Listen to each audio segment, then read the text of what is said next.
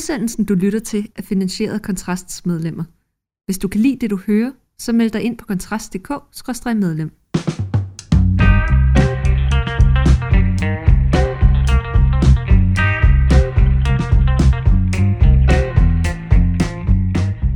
Så er vi i gang med Fyraften med Kontrast, der er så småt drøsler ned fra kun at fokusere på det igangværende valg, som vi naturligvis dog også runder, men vi kommer faktisk også til at se en lille smule nærmere på, øh, på lidt populær kultur, fordi som nogen ved, så er runden under Rigshospitalet faktisk gammel mose. Der gik legedammen en gang, og det ligger lige bag ved, hvor Kontrast sidder på Østerbro og optager, og vi skal lige snakke en lille smule om Lars von Triers tredje sæson af Ride Ride Exodus, som der er delte meninger om her i studiet blandt mig, chefredaktør Mikkel Andersson og journalist og redaktionssekretær Morten Ockels, som også er med.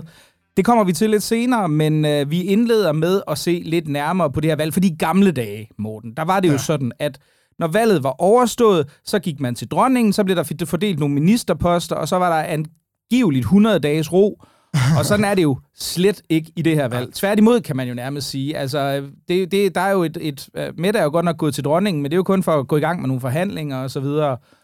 Ja, og, og statsministeren kan stadig blive en anden, ikke? Også en forskel fra gamle dage, der talte man mandaterne op, og det, i gamle dage var det også typisk dem, der fik flest stemmer, der havde vundet valget, og, og øh, øh, vi fik ret, da vi sagde, at det her valg øh, ville være, øh, ville være ulige alle andre, som vi sagde for et par uger siden, da vi stadig var ved at, var stadig var ved at gå i gang. Uh, så ja, hvad er der sket? Uh, uh, ja, senest så har Nye Borgerlige en møgssag. Uh, Radikale fik skiftet uh, lederen ud. Uh, Alternativ flikflakkede lidt på, uh, på nogen... Altså, jeg ved ikke, hvor har du lyst til at starte? Altså, vi kan jo tage, vi kan jo tage øh, hvad det hedder, de radikale, fordi man kan sige, den der, øh, hvad det hedder, der er jo sikkert sket, vi optager her ved, ved øh, hvad det hedder, lidt i øh, to-tiden, og der er sikkert sket mere i, i Ny Borgerliges møgssag, når vi har fået det her redigeret sammen lidt senere ja. på eftermiddagen. Øh, men vi kan jo se på de radikale, ikke? Altså, der kan man sige, der var, der var der jo så den her forventelige Sofie Karsten Nielsen afgang, som nogen havde troet kom allerede på valgaften. Det gjorde den ikke. Den kom lidt senere, og så stod, så var det jo det gamle dilemma, der blev ribbet op i igen var det, var det Samir Navarre, eller var det den gode Martin Lidegaard, som skulle blive den nye partiformand? Det blev så Martin Lidegaard. Ja, politisk leder er det. Ja, politisk, det er rigtigt. Det er sådan, det hedder på de radikale, ja. Og øh, man kan sige, det er jo sådan... Øh... Det, er en del, det er en del af den helt store historie, som jeg kan vi så også, faktisk også lave en kobling til Alternativet, der, der ikke vidste, hvad øh, de skulle mene om den her minkundersøgelse, som de, som de først gik ind for, og så ikke gik ind for, men nu går de ind for den igen. Ikke? Altså, at, at, at alle øh, lige nu, øh, alle lige nu øh, gør, hvad de kan for at virke så regeringsduelige som muligt. Øh, måske undtagen lige øh, Danmarksdemokraterne, som er det første og forløbige eneste parti, som, som ikke er med i processen omkring ny regering. Ja, der er jo, altså, der er jo spændende. Altså, Lars Lykke ser ud til at køre sin egen parallelle dronningerunde ting, fordi som Lars Lykke plejer at gøre, når han er utilfreds med, med spillet, ja. så vælter han spillepladen og, og forsøger at lave sit eget. Den skygge, skygge undersøger der i... Ja, og der har jo været nogle, nogle, øh, lidt larm om, at der kunne være en, hvis man nu kunne få de radikale hed over midten på en eller anden måde, så havde man jo de tre mandater, der var nødvendige. Eller, det kan være, man kun en et... sideløbende regering, hvis ikke han bliver... en skyggeregering. det er jeg sikker på, der er også rigeligt talentmasse i Moderaterne til nogle spændende ministerposter der. Jeg tror, at Martin Lidegaard faktisk bliver gået for, øh, for, for radikale, fordi han, han er så meget mere spiselig. Øh, for en, i øvrigt for enhver øh, potentiel øh, regeringspartner. Han kommer til at han kommer til at kunne glide ind i en, i en ny regering, øh, uanset hvordan den, øh, hvordan den så ser ud. Ja, det gode spørgsmål er vel så kun, hvor meget det her bagland, hvor Senior Stampe jo øh, står øh, meget hårdt på sådan en værdipolitisk, klassisk venstreorienteret linje, øh, hvor meget indflydelse de kommer til at få, fordi der er jo, det ser jo lidt ud som om, at der er nogen, der forsøger at holde ham i, øh, i lidt kort snor. Der har været nogle, han havde nogle udmeldinger i forhold til den her Rwanda-aftale, som han ikke kategorisk afviste, men så blev der brudt ind. Jeg kan ikke engang huske, jeg mener, det var Samir var, der sagde, at den var i hvert fald et ultimativt krav, at man ikke skulle have den igennem alligevel. Ja, altså, de, de, har, de har valgt en afdæmpet pragmatiker. Øh, og hvis de har deres egne drømmekære, så tror jeg egentlig, de skal lade ham, øh, de skal lade ham arbejde. Og så er der så, nu er det så begrænset, hvor mange ministerposter, der kan, der kan deles ud af, øh, når man har øh, et sted mellem 3 og 4 procent. Øh, men om ikke andet kan nogen nok betænkes. Ja. Hvad har vi ellers af, af på det politiske øh, menukort for, for dagen? Vi havde jo ja, ny borgerlig møjsag i Lovilik. Der var en ting til, vi skulle igennem, Morten.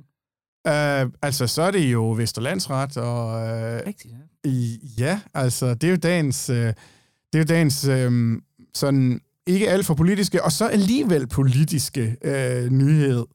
Uh, og det er, at uh, uh, det er en mand fra Kolding, som, uh, som nu er fundet skyldig i den uh, formastelige brøde at have hejst uh, Stars and Stripes, uh, det amerikanske flag. Hvis nok fordi han er glad for amerikanerbiler. Mm. Og det er en, øh, en, en ret sjov og ret spændende dom, der er kommet fra, øh, fra Vesterlandsret i dag. Og så må du så lige udfolde, hvorfor er det en sjov og spændende? Fordi vi har vel en flagelov, der ja, siger, man må, ikke, man må ikke flage med andre landes ja, flag i Danmark. Og, og, vi har, øh, og vi har nok at snakke om, ikke? Jamen altså, det, det, det som har været, øh, det, som har været øh, det, det væsentlige i den her dom, som først kom fra retten i øh, Kolding, og, og så nu fra, øh, fra Vesterlandsret, det er, at vi ikke har sådan en decideret lov, der siger, du må ikke hejse det amerikanske eller, eller andre nationers flag, og hvis du gør det, så øh, skal du i spjældet eller få en bøde eller et eller andet. Så det, det er retten, eller retterne, og den kan nå at komme til højeste ret endnu, og det gør den sikkert også, det retterne har skulle tage stilling til, det er sådan set, om der er hjemmel i loven til, at den her mand skulle have den bøde. Og det mente byretten ikke, og det mente landsretten, at der så alligevel var. Så nu har landsretten sådan konsolideret os forløbig i det, som vi hele tiden troede var tilfældet, nemlig at du må ikke øh, hejse det et udenlandsk flag uden tilladelse. Øh, jo, hvis det er nordisk, men ellers ikke. Og, øhm, og øhm, så, så, så nu er vi ligesom der, hvor vi startede, men den går til højesteret, fordi den er så principiel, som den er. Det er jo egentlig også, det er også altså egentlig lidt en sjov ting, hvis altså sådan en ytringsfrihedsfundamentalist som mig, at hvorfor må man egentlig ikke på sin egen matrikel have lov til at hænge jeg skulle lige til at sige 30 gram stof op i sin ja, flagstang, Morten. Ja. Det, kunne, det er da egentlig et meget godt spørgsmål, hvor den kommer nemlig, fra. Altså, jeg har altid haft det som sådan en, øh, at det kunne være sådan en lakmusprøve, ikke? Altså, nu sidder vi jo selv og øh, borgerligt medie, ikke? Og, øh, og, og, og både øh, liberalister og konservative og, og, og, og krydsninger følger med her. Altså, når, hvis du vil vide, om en mand er mest liberal eller mest konservativ, så kan det her faktisk være sådan et sted, sådan et spørgsmål, du skal stille ham for at få et, i hvert fald et pejlemærke om det. Der tror jeg, at, at man vil kunne se forskellen på, hvem der sådan er lige lidt mere liberal end konservativ, og hvem der sådan er lidt mere, i hvert fald se nationalkonservativ end liberal. Øh, fordi man jo så siger, at den liberale siger, at det er min flagstang, det er mit flag, jeg må gøre, hvad jeg vil. Og den konservative siger, ej, det her er et vidnesbyrd om nationen, og det skal kun hænge, og, hænge øh, over Danmark. Og så har der så også, historisk set, har der så også været nogle sådan sikkerhedsmæssige grunde til, at man havde de her regler. Altså under Første Verdenskrig øh, sørgede man for nogle ret vidtgående regler i forhold til krigsførende nationers flag og den slags, og det var så netop, fordi man, man, øh, man ligesom så det på... Øh, man så det som noget, der kunne være udenrigspolitisk relevant, ikke? Altså, at nogen måske ville blive ked af det i udlandet, hvis man begyndte at, og, og, og høre om eller, eller se, at, at, at danskerne begyndte at brænde flagene af. Det er jo også derfor, vi har en, øh, en lovgivning, der siger, at du må ikke brænde udenlandske flag, men du må godt brænde Dannebro. Hvilket jo så igen også kunne give anledning til eventuelle kvababelser hos, uh, hos nogle nationale konservative. Altså, jeg falder, på den test, der falder jeg klart ud den liberale fordel. Jeg må indrømme, jeg er ikke så... Du, du er så hippie-liberal. Jeg er lidt hippie-liberal i den her scene. Det, er ikke, det, det, det pikerer mig ikke voldsomt, at, øh, at folk i givet fald, øh, hvad kan man sige, hverken brænder eller, eller flager med andre nationers flag. Så der, der kan jeg, kan jeg, stiller jeg mig åben over for, for eventuel kritik i den her sammenhæng. Men, ja. det, men det er jo lidt sjovt, at det er jo, altså det er jo sådan egentlig, at, at man har sådan en gammel undgå hån, spot og latterliggørelse paragraf i den danske ja. straffelov, eller i hvert fald flaglov, går jeg vel ud fra, at det er mere specifikt, i forhold til ja, ikke det er det jo så netop ikke, men, men altså, det er så netop det, der er problemet, at vi, okay. har, at vi har det ikke skrevet ind i straffeloven, og vi har ikke en decideret flaglov, der siger, at hvis du gør sådan og sådan, så får det sådan og sådan, så man skal have fat i nogen i en anden paragraf i straffeloven, og så sige, at den burde kunne finde anvendelse her, og det er så det, som, som, som, som de her domme handler om, og lige meget hvordan det ender, så kunne det godt tænkes, at det bliver en sag for Folketinget, ligesom at skære igennem og sige, hvad må man og, og hvad må man ikke. Øh, øh, især hvis det ender med, at, at højesteret, det er jo ikke sikkert, at den kommer til højesteret, men det er meget sandsynligt, fordi, fordi den er så principiel, som den er, og i øvrigt også, fordi det er en dissensafgørelse, det vil sige, at, at, at, at der har også siddet en dommer i landsretten, som, som, som, øh, som øh, mener, at byrettens dom skulle stå fast, altså at den her mand fra Kolding øh, faktisk øh, ikke skulle straffes for at, øh, for, at, øh, for, for at hænge sit flag op. Øh, det blev han så jo heller ikke, men det er så fordi, der er gået nogle år siden, at, øh, at han gjorde det. I dag på redaktionen udbrød Morten spontant på et tidspunkt, hvor er der mange gode juridiske nyheder her i dag. Ja. Jeg kan ikke huske, ja. hvad, hvad nummer to var, men jeg ved heller ikke... ja, og vi skal jo også snakke om andre ting end, jo... end, øh, øh, end, end, end valget, trods alt, selvom der ellers er nok at snakke om. Men øh, som jeg også øh, teasede lidt for i, i indledningen, så er på, på Viaplay, ikke på Danmarks Radio endnu, hvor de første to oprindelige afsnit øh, udkom, så er Ride Exodus, altså afslutningen på Lars von Triers øh, Ride, øh, ja nu er den jo så ind som trilogi, øh, den er jo så udkommet nu her, og øh, jeg må jo sige, jeg har, jeg har været kæmpe, kæmpe fan øh, af de to første episoder, øh, eller de to første sæsoner, og jeg er svært begejstret for den nye også. Jeg synes, det er, og, og her skal vi jo sige, igen, det skal vi huske til lytterne, der vil forekomme spoilers i det følgende. Øh, hvad er, vi skal være søde, eller være ja, med at fortælle vi... det aller sidste, men der kommer altså ja. spoilers, så hvis du stadig har ridet, spoilers. afdæmpede spoilers, så hvis du stadigvæk har ridet til gode og øh, ønsker at bibevare spændingen, så skal du slukke nu, og mm. så i stedet for at gå over og høre genstart eller højmesse på P1 eller noget andet. Men altså, øh, vi vender jo tilbage til ride nu her i, i situationen øh, 20 år efter øh, den egentlig den oprindelige øh, de to første sæsoner de blev afsluttet. Ja, 25. Øh, 25 år, ja, mm. og størstedelen af det oprindelige eller ikke størstedelen, men meget stor del af det oprindelige cast er jo desværre gået ja. bort. Otto Brandenborg, øh, hvad, øh, Jens Ocking, øh, øh, Holger Jul Hansen, øh, ja, Kirsten Rolfes, Kirsten Rolfes øh, og, og naturligvis også den gode øh, svenske skuespiller, der spiller overlæge Helmer. Ja, Sugo Jærgaard. Ja, lige præcis. Så man havde jo troet, at den kom jo aldrig nogensinde, den her, den, her, den her afslutning. Men det gjorde den jo så, og, og man må jo sige, at den gode... Øh, den gode Lars von Trier har jo fået, og Niels Wørsel, som jo også kan nævnes, der er manuskriptforfatter på den. Han er jo sådan den lidt anonyme øh, øh, manuskriptforfatter, men jeg tror, han har haft en stor finger med i spillet. Han, han, er meget han, er en, han er en ånd. Ja, det tror jeg lidt. Men altså, de har jo samlet et, et meget fornemt ensemble af nyere sådan populære danske skuespillere. Øh, de har fået øh, Bodil Jørgensen ind som en erstatning fra Fru Drusse. Ja, hvis vi skal opholde os ved hende et øjeblik, så må man sige, hvis nogen kunne, kunne erstatte øh, øh, fru Drusse, altså, så skulle det være Jeg kan simpelthen ikke... Altså, nu har man så valgt en tilgang, som hedder, at man faktisk bevarer nogle karakterer fra dengang, og så sætter man ligesom nogle nye... Øh, så sætter man nogle nye mennesker, nogle nye skuespillere ind i, øh, ind i de samme roller. Øh, og hvis nogen kunne løfte den pragtpræstation, som, øh, som, som var fru Drusse i, i de to første omgange, så er det da, så er det da hende. Ja, jeg synes, hun gør det rigtig fint, men så har man jo fået Nikolas Bro ind, som, som dybest set Jens Ockings øh, rolle. Han hedder faktisk også, eller bliver i hvert fald kaldt for Buller, som, øh, som Jens Ockings portørkarakter gjorde. Man har fået, man har fået hvad det hedder, øh, nej, hvad er det nu, han hedder?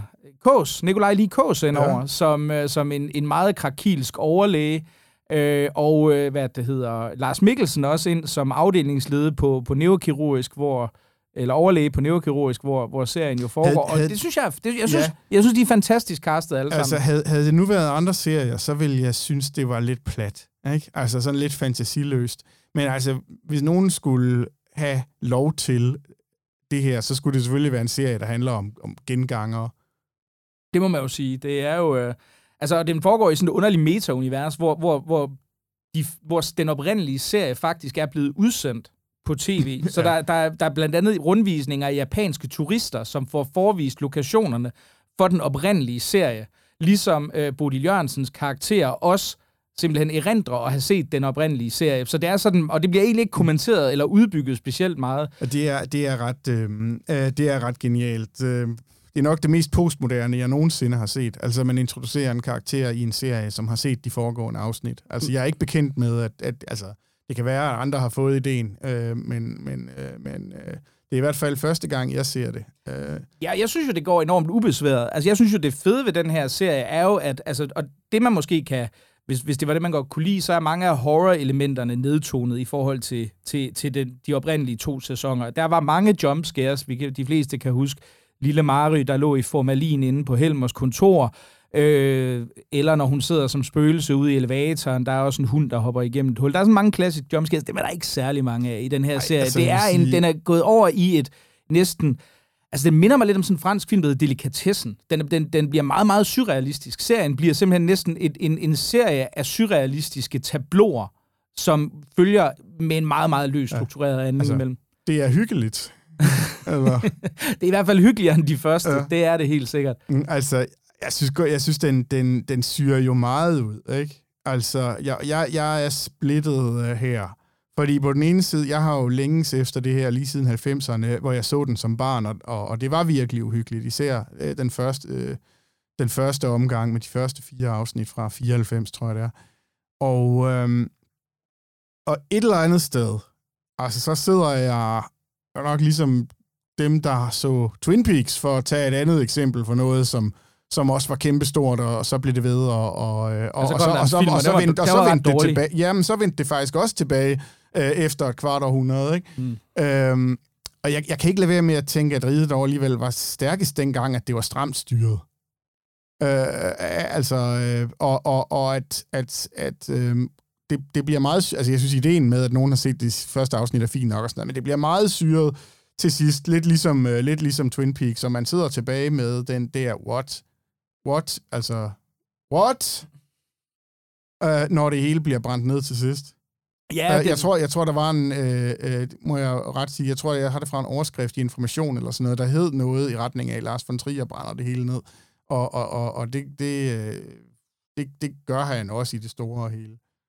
Jeg ved det ikke, altså jeg synes, det, jeg synes egentlig, det klæder den at, at, at tage sin egen, altså fordi Lars von Trier har jo altid henvist til, til det som lidt venstrehåndsarbejde, hvilket jeg synes er lidt ironisk, for det er faktisk det, altså det, det er det bedste, jeg synes, han har lavet. Altså jeg synes alt, øh, meget af han, mange af hans spillefilm, ikke mindst øh, de, de nyeste, er øh, enten noget melodramatisk eller, eller overfortænkt halvøje, som ikke tiltaler mig specielt meget. Jeg synes jo både det satiriske og, og selve den her spøgelseshistorie ramme er utrolig velfungerende, men jeg synes, det, det sjove er, at man tager den ud i den her yderste konsekvens, og næsten opløser øh, sådan den her i, i forvejen lidt fjollede narrativ i meget ekstrem grad. Nu skal vi jo igen ikke spoil, mm-hmm. men, men det bliver, jeg vil sige, særligt de to sidste afsnit er, er ekstremt syret, og bliver jo faktisk også lidt en kommentar både på, på bagmanden og forskellige andre ting.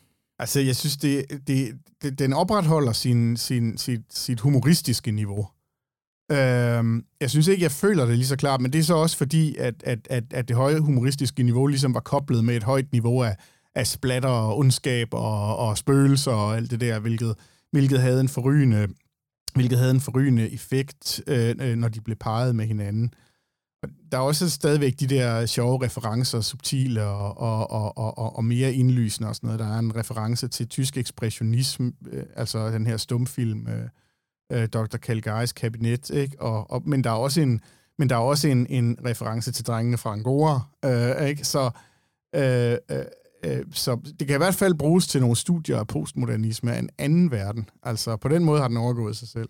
Ja, og så, synes jeg, så må jeg så sige, jeg synes jo, altså det virker jo også som om, at de fleste af skuespillerne faktisk har det ret sjovt og gør det ret godt. Jeg synes, Lars Mikkelsen er, er, er forrygende i den her overlægerolle, som er meget, meget neurotisk øh, Michael Persbrandt, som jo er den obligatoriske svensker, som spiller en meget, meget stor, stor rolle som, som Halmer, som han bliver kendt, mm. Stig Helmers øh, søn, øh, spiller røven ud af bukserne. Han er, jeg, jeg synes, han er en for, altså forrygende komisk øh, karakter, som jo aldrig nogensinde letter på smilebånd. Må, må ikke også, at der er et par af, af, af, af kontrastkerne læsere og lyttere, som vil, øh, som vil sætte pris på, hvor meget man tager fis på, øh, på, på svensk identitetspolitik undervejs. Ja, der er en del, øh, der er faktisk en del uh, MeToo-kritik, hvilket måske uh, ikke kan undre, når det nu er Centropa med uh, i hvert fald uh, som hvilende partner, om ikke andet, uh, Aalbæk øh, derude bagved.